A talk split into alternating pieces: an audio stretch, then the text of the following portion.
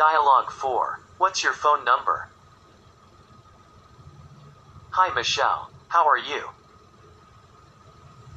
I'm great, thank you. I'm making a list of classmates' phone numbers and emails. Oh, very nice. What's your phone number? It's 501 555 1984. Sorry, can you repeat it, please? Sure, it's 501 555 1984. And what's your email address? It's m.jones at email.com.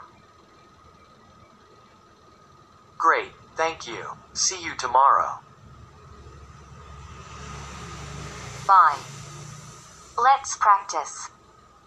You read his text. Hi, Michelle. How are you? I'm great, thank you. I'm making a list of classmates' phone numbers and emails. Oh, very nice. What's your phone number? It's 501 555 1984. Sorry, can you repeat it, please? Sure, it's 501 555 1984. And what's your email address? It's m.jones at email.com. Great, thank you. See you tomorrow. Bye. You read her text. Hi, Michelle. How are you? I'm great, thank you. I'm making a list of classmates' phone numbers and emails. Ah, very nice.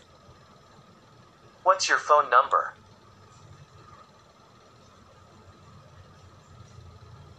It's 501 555 1984. Sorry, can you repeat it, please? Sure. It's 501 555 1984. And what's your email address? It's m.jones at email.com. Great, thank you. See you tomorrow. Bye. Atten-